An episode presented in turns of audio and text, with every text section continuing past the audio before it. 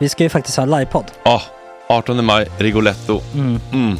Jag kommer inte ens nämna stolarna. Nej. För det, det har jag pratat om. Ja. Nu ska vi prata om showen. Ja, bara kort då bara för de som inte vet. Alltså, man, kan alltså, alltså stolarna, man kan reclina dem Ja. och ligga som Joey och Chandler Ja. i Friends. Och så har man en QR-kod och så trycker man på vilken sprit man vill ha. Och så drar man in en GT för 160 kronor. Och sen så kommer den till eh, ens Till plats. Ja, Ja. det, Det, det, finns så som, mycket benutrymme också att servitörer kommer kunna gå helt ostört. Vet du vad det är? Det är som business class. Ja, ja, verkligen. Och när vi då pratar om stolarna så kan jag också bara säga att man kan fälla upp eh, mitten, arm, armstödet, så får man en som- soffa. med sin partner. Ja, det man kan kommer bli ja, jätteroligt. Och Men vi skit kommer också i ha, stolarna. ja, vi kommer också ha typ två fotbollslag på scenen. Ja, det kommer Alltså. vara, alltså det är svårt att rabbla upp alla i huvudet nu för det är Startelvan. så många. Ja. Men alltså Mattssons massaker, tänk dig den live. Mm. Jo, Jonas Dahlqvists frågelåda. Mm. Ekis, Lady Damer. Vi har Fanny Svärd, Marve. Tora, Tjejnytt gör comeback. Det är, ja, det är på en nivå av mycket folk. Ja, det kommer bli, ehm, det kommer bli något helt annat. Någonting man aldrig har sett på Nej. en scen tror jag. Vi kommer ha allt. Allt kommer finnas. Cirkus och Cirkus. Och det, det som är skönt med, med de där slutna rummen är också att man kan ju faktiskt ta upp saker som man ibland känner att det här kan man inte riktigt ha ute i etern. Nej. Men om Sanna Dollan har fått någon invit från någon gift känd man så kanske man kan lägga upp det på en bioduk. Ja, Alltså vi har tillgång Fotoförbud. till... Fotoförbud. Exakt. Vi har faktiskt tillgång till bioduken. Mm. Alltså, gott snack upp på stora bioduken. Mm. Det är något nytt. Missa inte det här. Nej, det kommer bli otroligt kul. Biljetterna på filmstaden.se. Eh, ta med en god vän så tar vi Mm. med oss Johan Rabaeus. Exakt. och det kommer också vara, det, det är så mycket Förfest, det förfest i Ja. den här eh, Rigoletto-baren. Det kommer vara en hel dag. liksom. Det kommer vara en hel dag. Ja, och sen det är såklart alkohol, allting bara beställ in till platserna ni sitter på. Ni kommer liksom vara så bekväma, ni kommer ha kul. Är förfesten bara för Patreons eller? Vi kan kika på det. Vi får kika på Ja, det. det kommer en hel dag i alla fall och så Det blir det någon slags efterfest också. Ja, gud ja. Mm. Vad är en Gott Snack eh, livepodd utan efterfest? Gud, det kommer bli så kul. Så länge sedan vi hade livepodd. Ja, det ska Längtar. bli skitkul. Ja, vi ses där hörni. Men, vart köper man biljetterna? Filmstaden.se. Ja, in och köp. Vi Sök på Gott Snack där bara. 18 maj. Puss, hej. Hej.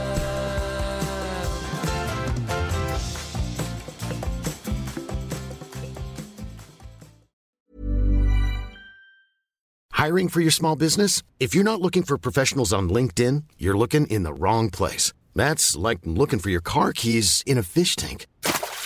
LinkedIn helps you hire professionals you can't find anywhere else, even those who aren't actively searching for a new job but might be open to the perfect role. In a given month, over 70% of LinkedIn users don't even visit other leading job sites. So start looking in the right place. With LinkedIn, you can hire professionals like a professional. Post your free job on linkedin.com/people slash people today.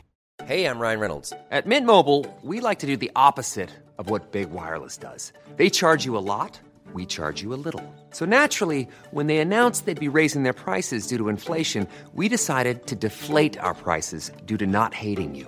That's right. We're cutting the price of Mint Unlimited from $30 a month to just $15 a month. Give it a try at mintmobile.com slash switch. $45 upfront for three months plus taxes and fees. Promo rate for new customers for limited time. Unlimited more than 40 gigabytes per month. Slows. Full terms at mintmobile.com. Even when we're on a budget, we still deserve nice things. Quince is a place to scoop up stunning high-end goods for 50 to 80% less than similar brands. They have buttery soft cashmere sweaters starting at $50, luxurious Italian leather bags, and so much more. Plus, Quince only works with factories that use safe, ethical, and responsible manufacturing. Get the high-end goods you'll love without the high price tag with Quince. Go to quince.com slash style for free shipping and 365-day returns.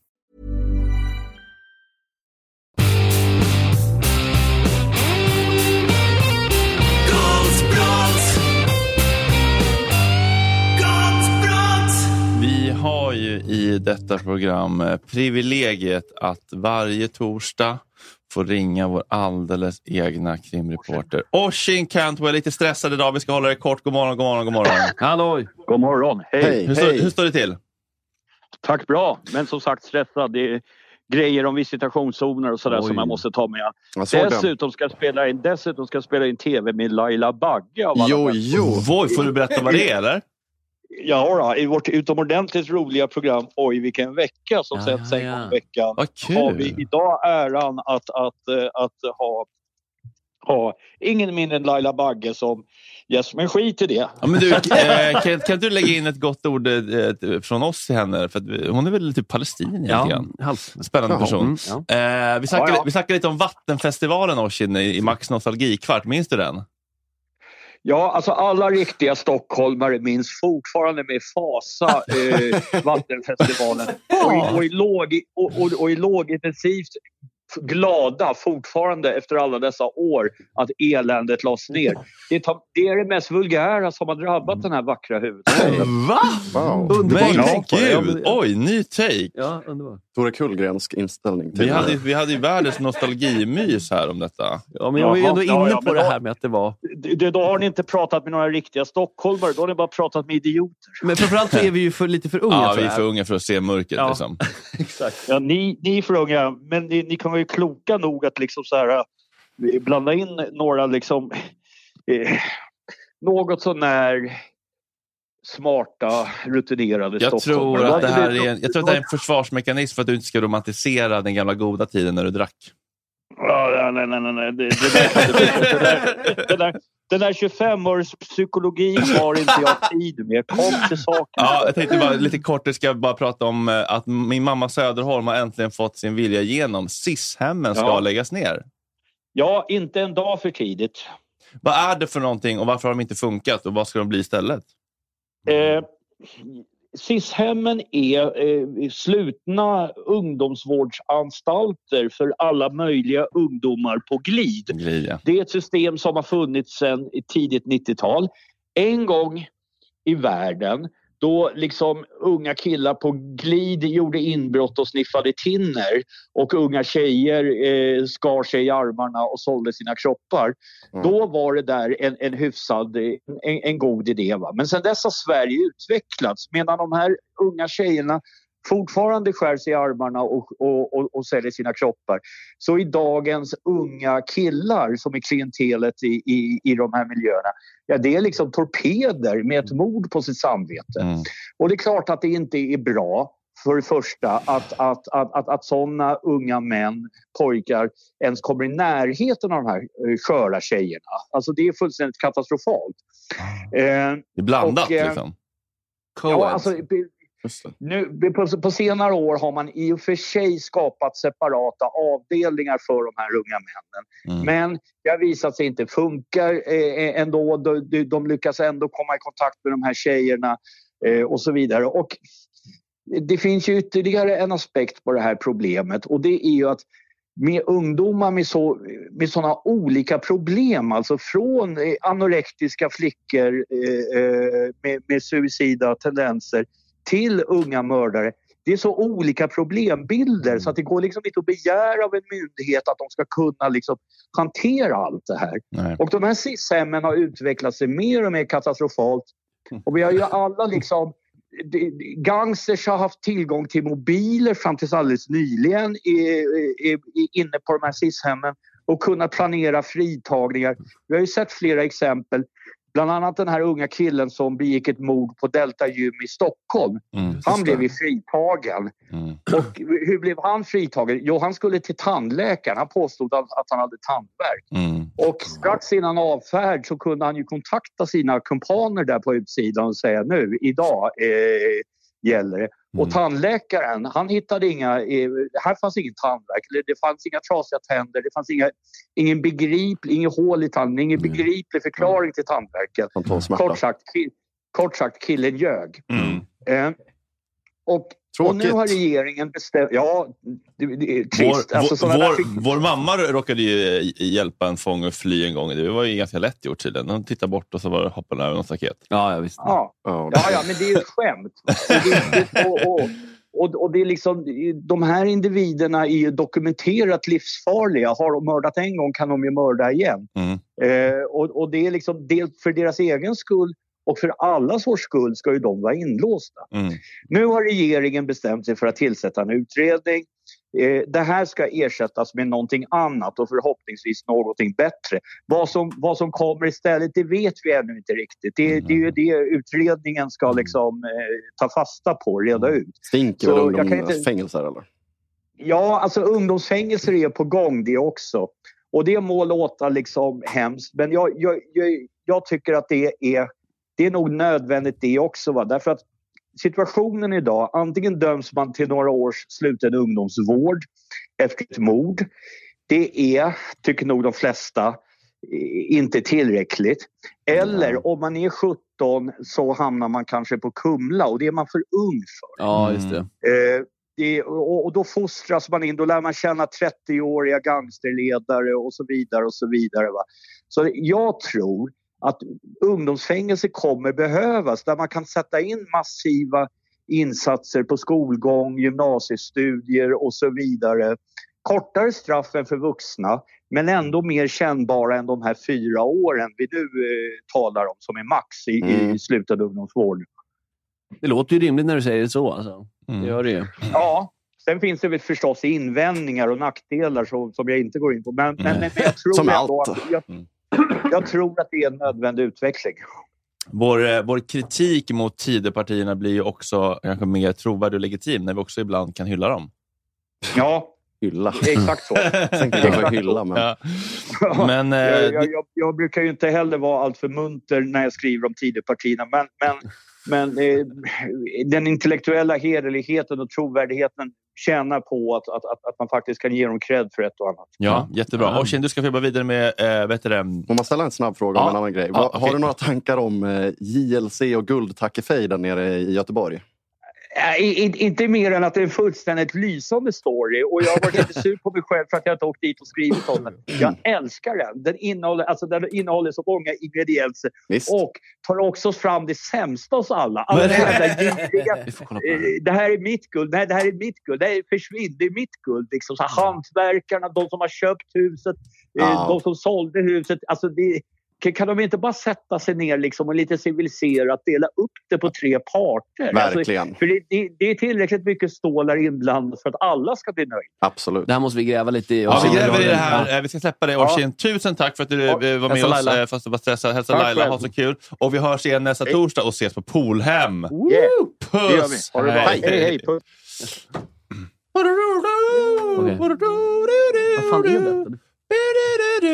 Vad fan är det här? JLC-duon i strid om guldtackor värda flera miljoner. Ja, precis. Det är Vänta, två av tre JLC-medlemmar. Vilka är det? Är det J och L eller L och C? Eh, L och C, Ja. Lukas och Karl. Ja. Som, eh, lite tråkigt att de lämnade eh, J utanför. Då. Han fick inte vara, de, Ja, de har gått ihop och köpt en, en fastighet. okej. Och eh, Den fastigheten behövde renoveras då. Mm. Eh, och då har de anlitat ett gäng hantverkare som har kommit dit. Eh, tror jag nu, jag tror att jag säger rätt ordning. Men, Mm. eh, och sen har de liksom rivit upp något i något rum eller något sånt under några jävla plankor. Mm. Så har de hittat guldtackor och annat till ett värde av, fan var det, 10-11 miljoner? Men what the fuck? 7,3 Pojkdröm. miljoner. Så in i helvete. Guldtackor. Man Och tror det finns. Och sen har de här hantverkarna då, de, det här var ju dumt. Där De kan borde inte tycka, sagt något. ja, men lägg din sportbag och, och sen talar vi inte mer om det. Alltså, jag hade hellre velat att hantverkarna fick det. Ja. De gick, till, de gick till polisen med det. Eh, De gick väl till polisen då Ja. och sen blev ju då, guldtackets då blev ju. L och C i JLC varse det här. Mm. Och till slut också försäljaren då. Som sålde fastigheten? Ja, precis. Och, och liksom... eh, Det är Paul. Eh, Ja. men Gud, det Max, eh, vet du, det, alltså det här är helt otroligt. Ja, alltså... Det är så lite också man unnar... Tja, Nej, välkommen. då, karma, karma hade ju varit att det var typ så här ett typ ensamkommande flyktingbarn eller något som hittade. exakt. Istället är de här proppmätta kräken. Nej, jag gillar inte det. Alltså, jag gillar storyn, men jag... Ja, absolut. Ja, nej, det är ju eh, precis som man säger, det tar ju fram många dåliga sidor hos eh, de inblandade parterna. För att eh, det känns ju som att eh, eh, de här JLC-killarna har, de har det ju gott ställt. Liksom. Det har väl kanske säljaren också. Men det verkade ju som att Kanske hantverkarna också.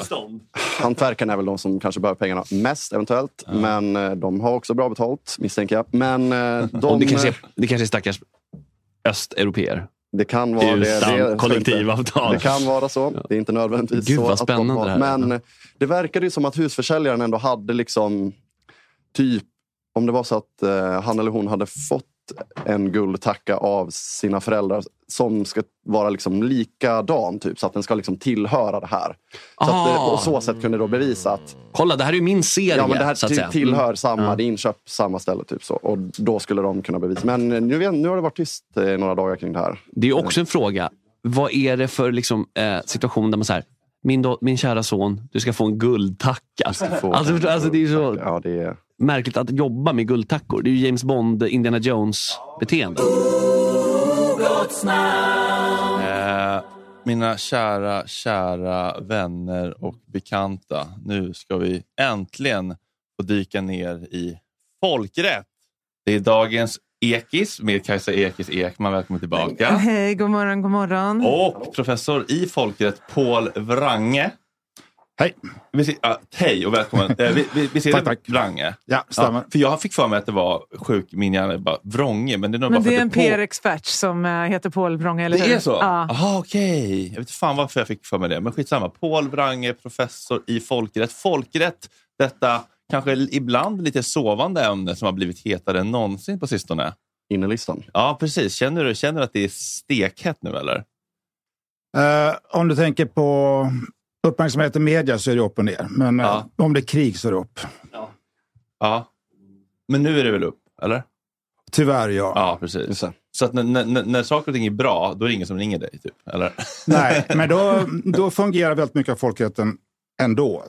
Eh, vi skulle inte kunna resa, vi skulle inte kunna köpa importerade varor, vi skulle inte kunna ha internet etc. om inte en massa regler fungerade. Så, men det är när det är krig som... Precis, för att begreppet folkrätt i stort är kanske värt att Vad kika lite det? på. Ja, för en Ja, lekman. en synonym är internationell rätt, men det är internationella regler som staterna har kommit överens om, om allt möjligt. Det kan handla liksom om adoptioner eller om eh, ja, flygresor och eh, mänskliga rättigheter och krigföring. Kajsa, vill ha kaffe eller? Ja, jättegärna. Förlåt, Ja. jag försökte så här gestikulera. Ja, till nej, det är lika bra bara. Speak out. Men det Jag tror att den håller på eh, och... eh, Jag kan ta, ta den pucken. Ja, Andrea, Ah, thank you, thank you. Andrea har varit praktikant där förut. Han har det lite grann i blodet. Ja, nej, men det är alltid Eh, trevligt förlåt, det handlar om massa olika typer av ramverk för olika typer av... Ja, internationellt samarbete eller internationella transaktioner av olika slag. Och varför blev du intresserad av detta? Oj, det är en lång historia. Kan Jag har alltid varit intresserad av internationell politik. Ända sedan jag var liten. Så jag, jag, jag slog upp utrikessidorna. Nej, det var först serierna, sen sporten och sen utrikessidorna. Mhm. Rimlig upplägg ändå. Och vad, vad var det för fråga då? Som, var det någon fråga som liksom fick dig att klicka? Ja, på den tiden var det ju Vietnamkriget. Ja. Gås. Så så gammal är jag. Kan du komma ihåg under din karriär någon gång när det internationella samfundet har ingripit mot eh, pågående folkrättsbrott, pågående folkmord och faktiskt lyckats stoppa det? Eh, ja, det var en bra, nästan lite provocerande fråga. ja, alltså, eh, för det första så är då folkmord en väldigt speciell definition. Alltså det, är, det, det handlar om att döda människor i stor skala med det specifika syftet att att, Finns det intentionen att som ut- är grejen? Liksom? Just det, att liksom utrota den här folkgruppen. Men om vi talar om eh, massdödande i stor skala. Eh, alltså jag tror att det, det har nog skett rätt många gånger att det har förebyggts utan att vi vet om det. Men ingripande, det är svårt att säga vad, vad, vad, vad som inte har inträffat. Men Mm. ett tydligt exempel som tyvärr inte gick så bra i slutändan, det var ju ehm, eh, Det var ingripandet i Libyen under, under den arabiska våren 2011. Så. Och, och man kan säga en hel del om det, för det, västmakterna eh, använde nog, nog det mandat man fick av säkerhetsrådet till att gå lite längre än vad, än vad många av säkerhetsrådets medlemmar hade tänkt. Och det har, ju- har ju sen varit en, en röra där. Men förmodligen så är det så att man stoppade någonting som hade hänt just då, alltså under under senvåren 2011. Ja, för Rwanda till exempel eh, gjorde man väl till och med fel. Var det inte så? Man eh, stöttade väl angripen där? Var du involverad i det? Eller var du... Nej, jag var inte involverad i Nej. folkmordet i Rwanda. Var det ditt fel? Nej, Nej, men alltså, vad arbetade du med frågan då? Nej, då var, jag, då var jag doktorand på Stockholms universitet när det hände. Eh, ja, alltså det fanns en FN-styrka där, en ganska liten FN-styrka. Om de hade fått ett mandat att ingripa väldigt tidigt, det, det finns en del som, som menar att eh, man hade kunnat stoppa det då. Eh, Bland annat den dåvarande chefen Romeo Dallaire som sen skrev, skrev en bok om det. Eh, och framförallt hade man förmodligen kunnat stoppa det om andra stater hade velat vara beredda att, att, skicka, att skicka trupper. Och det var många som fick en förfrågan, inklusive Sverige, och sa nej. Av olika skäl. Bland annat därför att det kanske ansågs för farligt. Så inga... Eh, Rwanda, liksom, det sticks ut en hand. Kan ni komma och assistera? Nej. Och sen fick de klara sig själva, eller på att säga. Lite halvt. Ja, alltså offren fick ju klara sig Ja. själva och, och, och det gjorde de ju inte. Nej. Nej. Det var ju det som... Brutalt. Och ehm, det som händer nu, det, det jag tycker är intressant är lite så här, hur avgör man i domstol vad någons intention är? För att, men, jag kan ju råka döda dig och så blir det dråp, eller så har jag planerat att döda dig så blir det mord. Och då ska man komma fram till Eller det var... vållande till annans död om du verkligen råkar. Ja, exakt. Och ska man komma fram till då intentionen. Hur gör man det liksom med ett land, en stat? Ja, det är väl ungefär på det sätt du beskriver. Alltså, eller samma problem. Fast där är det då liksom ett antal människor som man måste... uh, man måste titta på hur de har tänkt. Uh, ja, man, uttalanden, protokoll från sammanträden, om man nu får tag på det. Men man kan också ut, det som av hur de agerar. Vad är, vad är syftet? Om man släpper eh, dumma bomber som man inte kan styra, som väger 2000 pounds, som, eh, som mm, jämnar hela kvarter med marken, så kan man i, det, i den handlingen hävda att här är det svårt att liksom, motivera att det här är specifikt mot en Hamas Militärt mål. Liksom. mål. eh, Exempelvis. Så skulle det kunna vara. Och då skulle ju då i så fall IDF, alltså israeliska försvarsstyrkorna, säga att nej, vad vi egentligen var ute efter var en tunnel som låg här ute. Då måste vi ha en bunkerbuster. Just det. Och då blir det lite svårare att avgöra vad som, vad som, vad som var syftet. Just det. Hur ser du på helt- Sydafrikas stämning? Då? Har du gått igenom det här? Har du Jo någon då. analys av Jo det? då, Vad jag- tycker du? Ja, jag har läst den och jag lyssnade på förhandlingarna och jag har förstås också läst domstolens beslut. Eh, jag, jag tror att skälet till att de valde folkmordskonventionen det är nog liksom dels att den har en väldigt stark signalverkan. För ett folkmord är väldigt, väldigt laddat. Enligt min uppfattning så är det liksom för laddat jämfört med andra. Eh, det är inte nödvändigtvis så att folkmord är värre än krigsförbrytelser eller brott mot mänskligheten, men det är en annan sak. Nej, men man, man valde nog för att det ha, liksom hade stark politisk signalverkan. Men det finns också en, en teknisk förklaring till det. Och det är att för att domstolen ska kunna ha jurisdiktion, som det heter, alltså domsrätt, kunna döma, så krävs det att den stat som det här riktar sig mot, att de har gått med på det. Antingen ad hoc, alltså när tvisten uppkommer, och det är rätt sällsynt, eller i förväg. Och just i folkmordskonventionen finns en sån bestämmelse. Eh, att staterna förbinder sig i förväg att acceptera domstolens jurisdiktion. Annars man hade också kunnat eh, gå på till exempel eh, Genèvekonventionerna, men där finns ingen sån, ingen sån klausul. Och då hade man kunnat gå in på krigsförbrytelser och liknande. Men nu är, det alltså, eh, nu är det begränsat just till folkmord. Så, Israel, eh, så Sydafrika måste alltså visa att det finns en sån intention. Om man vill att domstolen ska säga att Israel som stat har gjort sig skyldig till folkmord. Men folkmordskonventionen innehåller också en rad andra bestämmelser. Den, den heter egentligen konventionen för att förebygga och bestraffa folkmordshandlingar. Så där finns till exempel en bestämmelse om att man måste förebygga och bestraffa uppvigling till folkmord. Och där är det nog rätt stor risk från Israels perspektiv att man kommer att torska. För det har man inte, har man inte gjort. Och det kan också hända att man borde ha bestraffat vissa handlingar av vissa. Tänker du på de militära- här äh, ministrarna och till och med premiärministern som säger att äh, vi ska jaga ner varenda barn, äh, kvinna, man, Mm. djur. Äh, vi ska jämna gasen med marken. Alltså är det sådana uttalanden du tänker på? Eh, de är ju lite ambivalenta. De är trots allt politiker. så de uttrycker sig inte...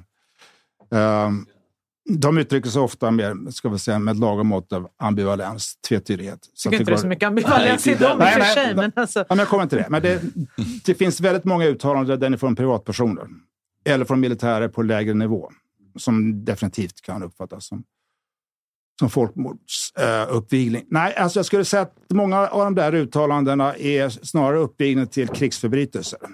Som till exempel uh, presidenten Herzogs uttalande om att det finns inga oskyldiga civila. Det, det, det liksom strider mot hela idén med den internationella humanitära rätten, med Genèvekonventionen. Strikt uppdelning mellan civila och stridande eller kombatanter. Och alla civila ska behandlas på samma sätt, vare sig de är som skyldiga eller oskyldiga någon slags moralisk, mm. moralisk mening. Jag tycker, om jag får komma in med en reflektion, så tycker jag att det är ganska tydligt hur um, det där har spritt sig och fortplantat sig, det där tänkandet. För att det räckte med att uh, de sa så där, det finns inga oskyldiga civila.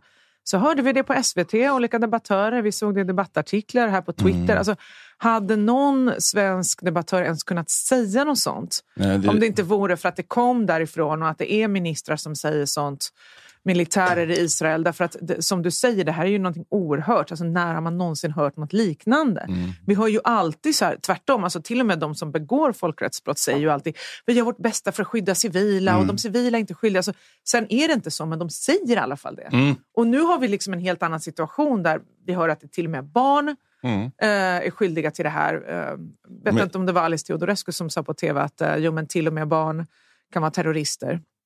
Mm. Eller liknande. Någonting åt det hållet, kommer jag inte ihåg exakt. Mm. Um, så det har ju blivit en helt ny diskurs av det här nu, där liksom man faktiskt skuldbelägger ett helt folk. Ja. Ja, det finns någon slags ärlighet i det ändå. Alltså, de visar sina rätta färger på något vis. Även om det är obehagligt. Jo, fast sen förflyttar man ju också diskursen. Ja, så att då blir det ju som att vi alla är på något sätt delaktiga i det här mm. folkmordstänkandet. På något sätt mm. att det här folket ska inte finnas, det här folket är redan skyldigt från början. Mm. Det är som en arvsynd då. Men där vet jag själv åt andra hållet. När typ så här, om Daniel Mate säger så här, jag tror inte att staten Israel kommer finnas om 20 år, den borde upplösas. Så jag så här, åh gud vad sjukt sagt. Sen så bara, har jag någon till säga det och någon till säga det. Sen så bara, nej det kanske inte är så kontroversiellt att säga så. Alltså, här, men du, om de hade sagt 1980, jag tror inte Sovjet kommer finnas om 20 år, då kanske du hade tänkt att det var konstigt, men det blev ju de facto så. Stater kommer ju och går. Ah, det tycker inte jag är så kontroversiellt. Det kontroversiella är att säga att ett folk inte ska finnas. Ja men gud, nej, men jag bara tänker på liksom, här, vad som känns liksom, starkt och liksom, kontrovers eller, liksom, uh, kontroversiellt ena dagen. Ge det en vecka så har man det några gånger till och så, mm. så bara, nej men just det, just det. Alltså, man blir avtrubbad för liksom, radikala sägningar och tankar. Liksom. Ja, så funkar det åt båda hållen. Um, Ja, vad var vi? Jo, men eh, det här med, vet du vad jag tänkte på? Um, för du sa att man kan straffa det här. Vem, vem straffar då om du säger att man har ett ansvar för att straffa uh, sådana här eh, upp, upplägg? Ja, det har ju varit statens ansvar att göra. Ja, så då, då liksom ålägger man den staten att ni ska straffa det här? Ja, i första hand Israel, men de, de här handlingarna skulle kunna åtalas i Sverige också om de personerna kommer hit. Ja, så egentligen hela, hela det internationella samfundet har ett ansvar då? Ja, så är det. Mm. Ja, eller, alltså ansvaret är egentligen den stat där handlingarna begås, enligt konventionen. Mm. Men alla stater har en möjlighet bestraffa folk. Aha. Måste det komma någon efterlysning då? Eller är det varje stats liksom eget ansvar att tänka så här, ja, men vi, vi tar på oss att... Vem är det man bestraffar? Eller vem är det som får straff? Eller så här? De som har yttrat de orden då, antar jag. Okej. Okay. Ja, alltså det blir så fall, så fall ett vanligt å, åtal. Ja. Så, eh, det sitter ju nu en iransk eh, före detta fängelsevakt i Sverige sedan vad är det, tre år tillbaka, Hamid Nouri. Mm. Och eh, han, eh, han kom ju hit för att han trodde att han skulle, att han skulle prata på någon konferens eller något liknande. Och, eh, De lurade honom? Ja, och så kom det ett tips till polisen och internationella åklagarenheten. Och sen Sen sitter han där. Så det kan ju hända vad gäller, ja, naturligtvis Hamas-personer också. Hi, this is Craig Robinson from Ways to Win. And support for this podcast comes from Invesco QQQ the official ETF of the NCAA. Invesco QQQ is proud to sponsor this episode and even prouder to provide access to innovation for the last 25 years. Basketball has had innovations over the years, too. We're seeing the game played in new ways every day. Learn more at Invesco.com slash QQQ. Let's rethink possibility. Investco Distributors, Inc. Hiring for your small business? If you're not looking for professionals on LinkedIn, you're looking in the wrong place. That's like looking for your car keys in a fish tank. LinkedIn helps you hire professionals you can't find anywhere else, even those who aren't actively searching for a new job but might be open to the perfect role. In a given month, over 70% of LinkedIn users don't even visit other leading job sites. So start looking in the right place. With LinkedIn, you can hire professionals like a professional. Post your free job on linkedin.com slash people today. Burrow is a furniture company known for timeless design and thoughtful construction and free shipping. And that extends to their outdoor collection. Their outdoor furniture is built to withstand the elements, featuring rust-proof stainless steel hardware, weather-ready teak, and quick-dry foam cushions. For Memorial Day, get 15% off your Burrow purchase at burrow.com slash ACAST and up to 25% off outdoor. That's up to 25% off outdoor furniture at burrow.com slash ACAST. Hamas befälhavare. Men det är även då israeliska befälhavare. Och det finns ju många NGOer, många frivilliga organisationer som håller koll på, dem, på vad som, ja, som, som listar brotten och de följer en del av de här personerna också. Ja. Men har det hänt någon gång? För nu tänker jag ändå så här. Um, Iran är ju en stat som befinner sig liksom på andra sidan i det här hela geopolitiska spelet. Har det hänt någon gång att en, en företrädare för en allierad stat till Sverige har dömts, åtalats och dömts och fängslat här, fängslats här? Magkänslan säger nej. Det, det, är min också, det är därför jag undrar Ja. lite. Så här, hur, har vi, är, Ja, nu vi har vi sån- inga allierade stater ännu för att vi är fortfarande inte med i NATO. Men, Well, well. men jag In förstår vad reality de- it feels the Jag other förstår way. vad du tänker på. Eh, nej, alltså de som hittills har dömts för sådana här brott har ju varit här, relativt vanliga eh, personer som kommit hit, ofta som flyktingar då, eller som eh, ja, både från Rwanda och för detta Jugoslavien, så de har inte företrätt något land egentligen när de varit här. Mm. Så, men man, eh, eh, ja, efter den amerikanska invasionen av Irak så försökte man, väcka åtal mot ja, både höga och låga befattningshavare, in- inklusive Rumsfeld, den dåvarande försvarsministern, på olika håll i Europa, mest känt i Belgien. Eh, men det misslyckades. Tror du att olika Sverige skäl. skulle våga fängsla Rumsfeld eller någon av den kalibern? Svårt att veta. Svårt att tro skulle jag säga. Nej, men jag tycker annars, jag vet inte, du kanske har bättre koll på det här, eller det har du säkert, men Spanien har väl annars visat, liksom, visat sig mer benägna att eh, stå upp för mänskliga rättigheter på det sättet när de har efterlyst olika eh, ex-chilenska politiker och andra från eh, Pinochet-regimen. Alltså att man, Uh, här tycker jag att det känns som att allt bara läggs ner rutinmässigt som inte är vanliga brott. Att man känner sig, nej men det här vill vi liksom inte ha att göra med. Mm.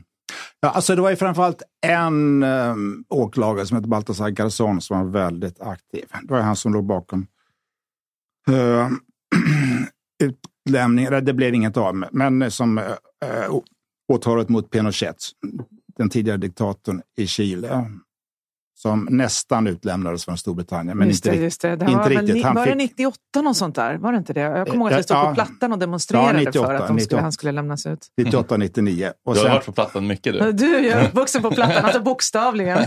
jag fick min första kyss på Plattan. Ja, fint. Men sen fick han åka hem av um, medicinska skäl. Ja, så där skedde en hel del. Men alltså många stater är lite försiktiga med det där, därför att det ställer till med en massa utrikespolitiska problem. Mm. Eh, ett annat skäl kan vara enkelt att det är svårt att få tag, att få tag på bevisning. De eh, mål som har varit i Sverige, många av dem har, har man kunnat väcka då därför att, de, att det har funnits flyktingar här så att säga, på den andra sidan, på, offer, på offersidan, som kunnat vittna. Och numera så finns det också en hel del som ligger ute på sociala medier. Så förövare lägger ut, lägger ut filmer från brotten. Och sen, ja, även om de är maskerade så kan polisen ibland liksom identifiera dem och göra det troligt för domstolen. Men alltså om man tänker på andra sidan, alltså det här med Julian Assange nu som kanske nu, vad är det, slutet av den här månaden kommer kanske utlämnas till USA, säger de ju. Alltså hur, hur går det här ihop med folkrätten? Alltså för att USA anklagar ju honom för något brott som han ska ha begått och att han har avslöjat deras hemligheter. Men det här, han är ju inte amerikansk medborgare.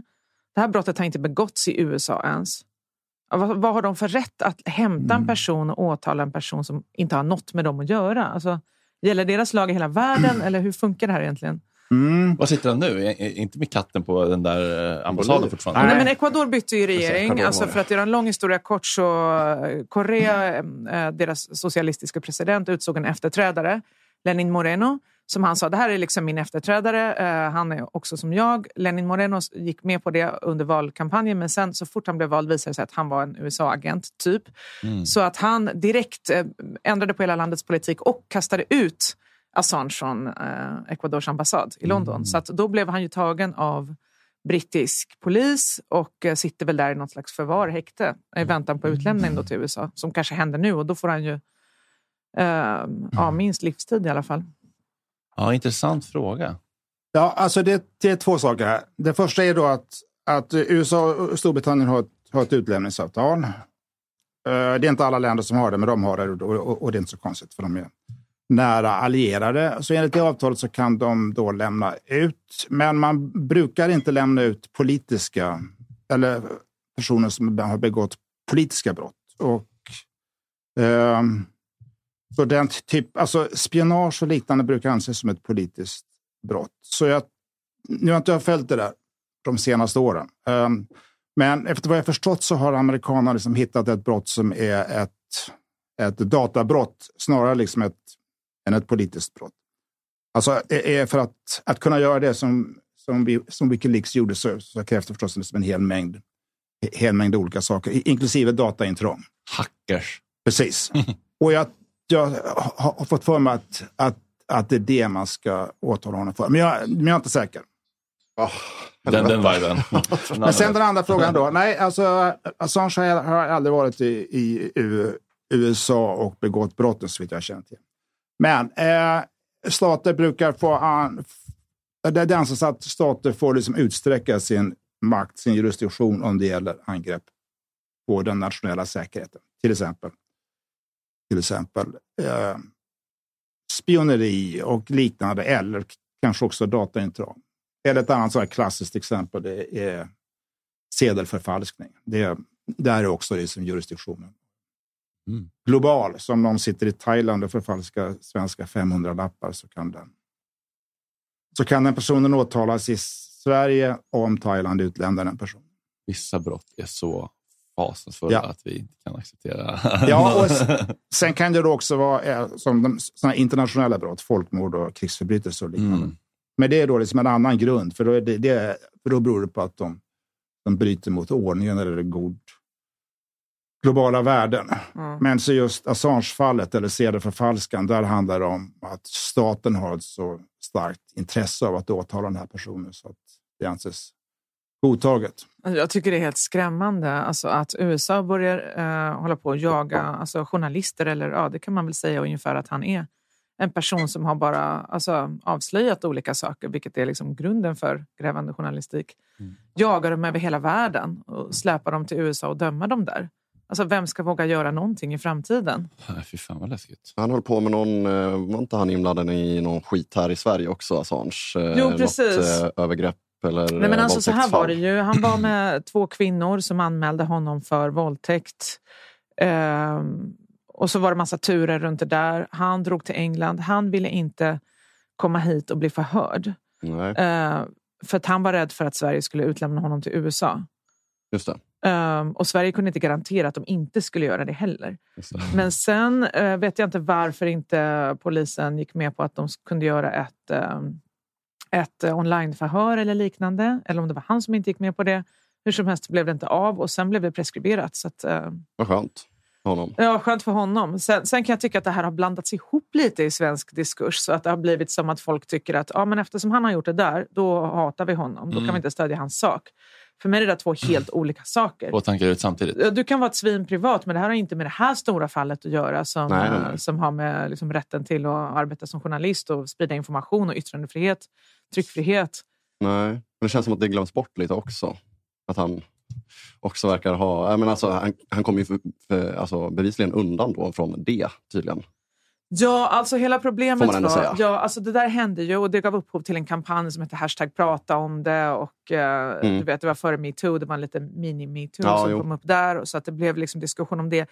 Det gjorde att, att det blev inget stöd för Assange i den svenska offentligheten. Så att det fortfarande idag är det liksom...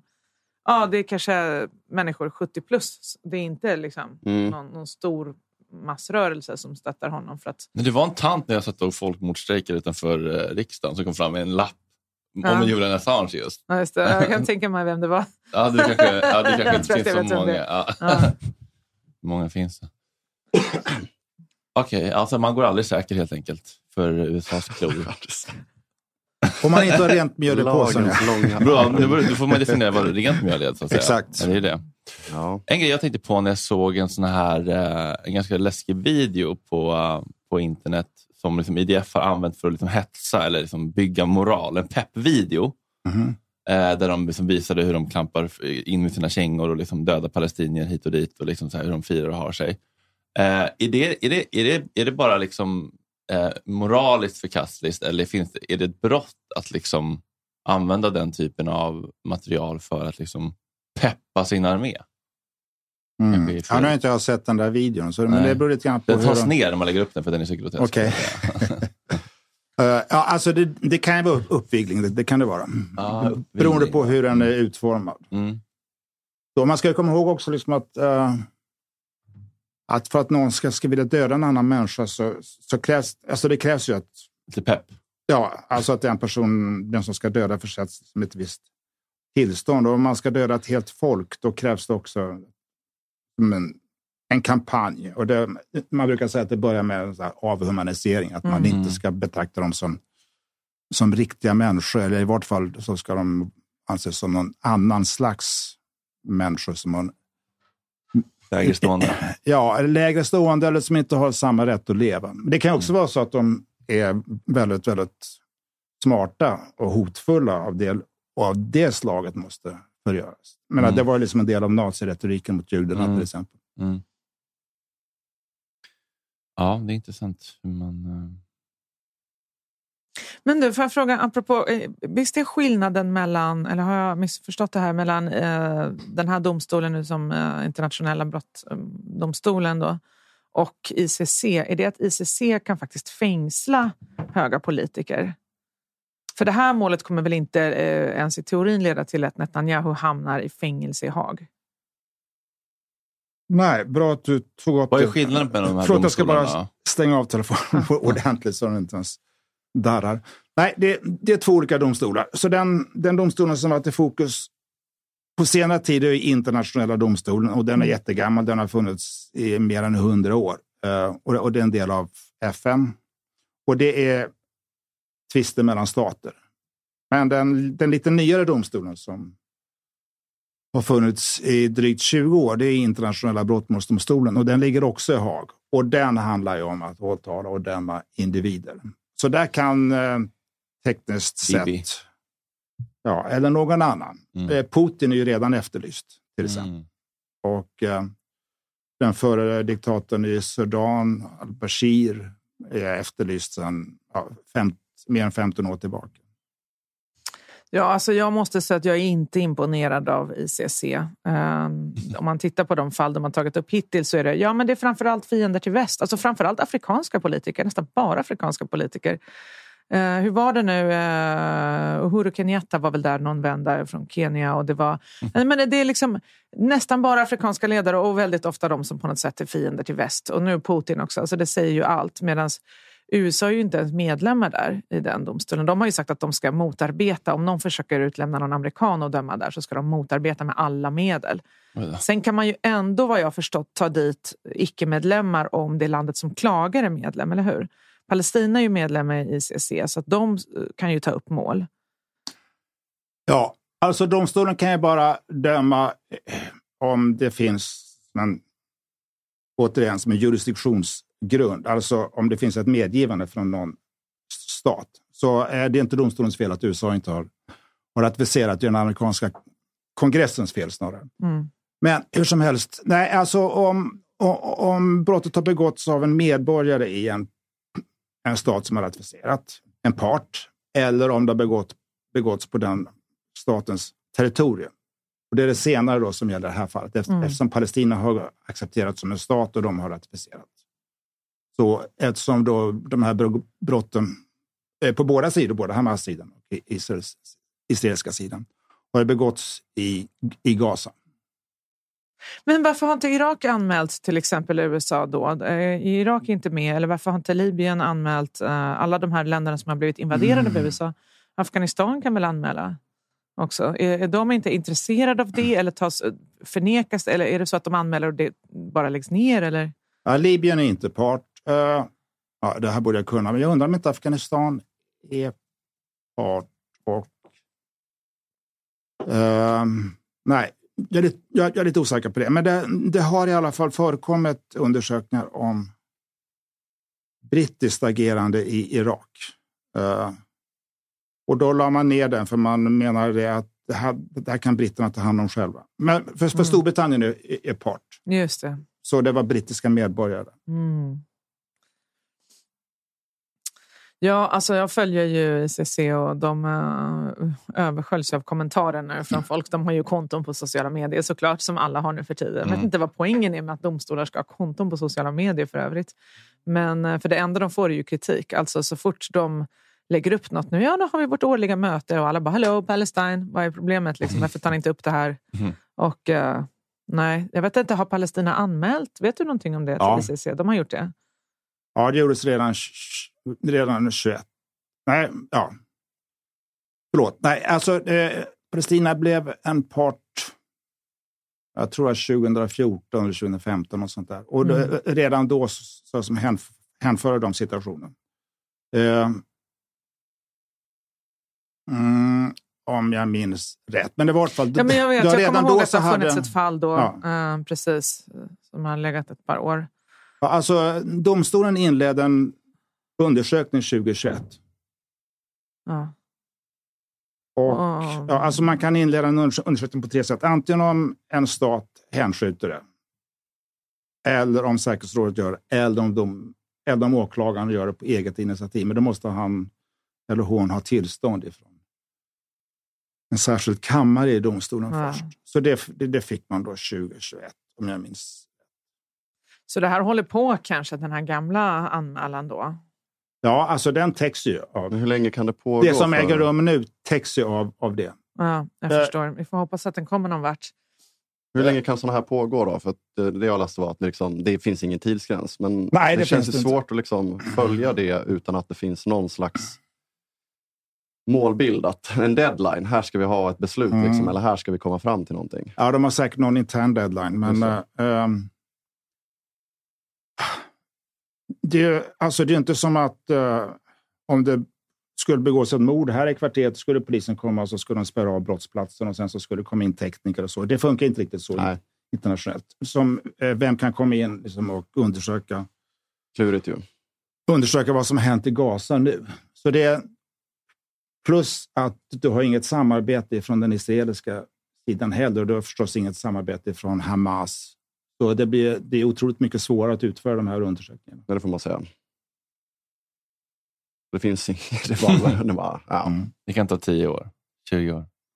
Det beror mycket på politiska saker. Som Mm. När får man tillstånd att gå in och undersöka? När får man information ifrån um, andra stater som kanske har bra underrättelser, har samlat in information, etc. etc. Ja, precis. Alltså, nej, men jag tycker hela, hela frågan är ju om alla de här verktygen, institutionerna som det internationella samfundet har ändå för att ha någon slags regelbaserad världsordning som ändå baserar sig på någon slags princip. Jag menar, är de starkare än imperialismen? Nej, men det är de ju ofta inte.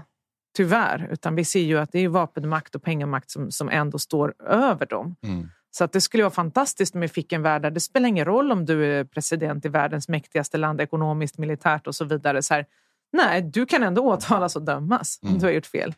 Alltså så. Men där är vi ju inte än. Nej, Ja, det är inte känslan. en bit ifrån. Mm. Tror ni att vi någonsin kommer komma dit? Nej, Alltså det är ju det svårt. Men hur, hur ser det ut i Sverige om man tänker på, är det så här att liksom, det finns folk som är för mäktiga för att dömas i vanlig domstol? Kungen är ju det, väl? Ja. Förklarliga skäl. Men Mm. eh, inte rimliga Han har blå regskyltar. Han har väldigt blå och det har väl hela familjen misstänker jag.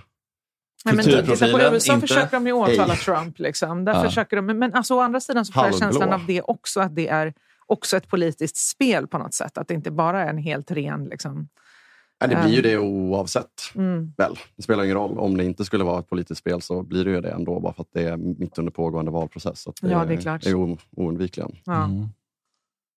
Men eh, Känns nästan bra för honom, eller? ja, alltså, allting, försöker- Hans Alltså, känt de sätta fall. dit mig? nej, men allting är ju bra Mm. för honom. Det spelar ju typ ingen roll vad de kastar på honom. Nej, det är Ja. konstigt. Ja. Skicklig, duktig. Ja, vad tror ni han kommer göra då? Om vi säger att han kommer till makten igen, hur kommer han hantera den här Israel-Palestina-konflikten? Han är ju alltid svår att läsa. Alltså det enda som jag vara- tycker känns positivt, som känns positivt med honom är att han, inte, han är mer America first och kanske inte lika peppad på att skicka biljoners biljarder till Israel. Så också Carl alltså han känns ju handfast. Det kommer ju, hända, det kommer ju hända någonting. Man vet inte vad, men eh, någonting kommer ju. Just det. Nej men visst, alltså, han är ju mer eh, protektionist på det sättet, isolationist än, än imperialist. Men sen så Mm. har han ju förra gången när han var president så utnämnde han ju sin svärson, du vet den här Jared Kushner, Mm. till Mellanösternansvarig. Och snubben kunde ju ingenting om frågan. Så han skrev någon slags liksom, eh, fredsplan som var så här, jag vet inte vad fan stod det där, men det var verkligen så här. Ja, men palestinierna skulle bara försvinna ungefär. Eh, alltså det, var, det var inte bara liksom, respektlöst, det var okunnigt också. Mm. Ehm, och sen så kommer ni ihåg att han bytte ju huvudstad, uh, vilka, var USA tycker är huvudstad i Israel, till Jerusalem. Och det är ju så internationellt enligt FN. Nej, har man ju sagt. det. Det är Tel Aviv, kommer ni ihåg det? De flyttade ambassaden. De flyttade ambassaden. Och sen såklart Joe Biden. Och det där är så här, i USA tycker jag Demokraterna och Republikanerna, hur de ändå samarbetar på något sätt. Republikanerna gör liksom ibland the dirty work och sen kommer Demokraterna och säger att de har redan gjort det så nu ska vi inte ändra. Mm, alltså du just slapp det. göra det men ändå, du gör inte tillbaka. Nej, Mm. just det. F- Mm. Jag skulle tro att det var så att Demokraterna tyckte att det var en dålig idé att flytta ambassaden. Men att de, var in, de är inte beredda att liksom, spendera det politiska kapital som behövs för att Riva upp det. flytta den tillbaka igen. Det är ett jävla projekt ju. Ja. Jävla apparat. Och vad är, vad, är, Framförallt politiskt. vad är symbolvärdet med att, eh, att byta huvudstad? Eller, liksom, eller varför gjorde man det? Nej, men alltså för att det har ju bestämts att eh, Jerusalem ska vara en delad stad, att den ska stå under internationell, eh, internationellt beskydd. Mm. Alltså för att det är ju en helig stad för både alltså, judendomen, kristendomen, islam och sådär. Så att, Mm.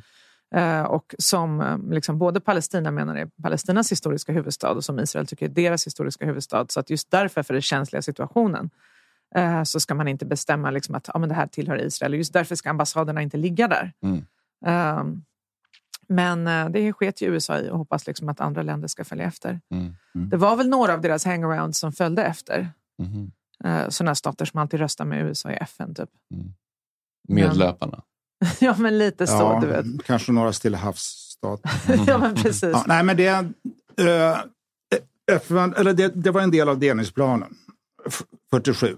Att, eh, att Jerusalem skulle bli ett corpus separatum som det kallas, alltså en egen, en egen kropp. Och den har väl världssamfundet och FN liksom hållit fast vid i teorin. Men jag tror att om det skulle bli en tvåstatslösning, vilket verkar allt mindre sannolikt, då kommer man nog i stort sett att överlåta den där diskussionen till parterna. Så att Palestina och Israel får dela upp Jerusalem på något sätt och sen så kommer resten av världen att finna sig. Mm. Mer undantaget att det finns ju då de här heliga platserna som alla måste ha, alla måste ha tillgång till. Just det. Födelsekyrkan. Eh, Förlåt, men den ligger i Betlehem såklart. Men eh, eh, eh, jag kommer inte ihåg vad den heter, men kyrkan som, som byggdes på Golgata och så vidare.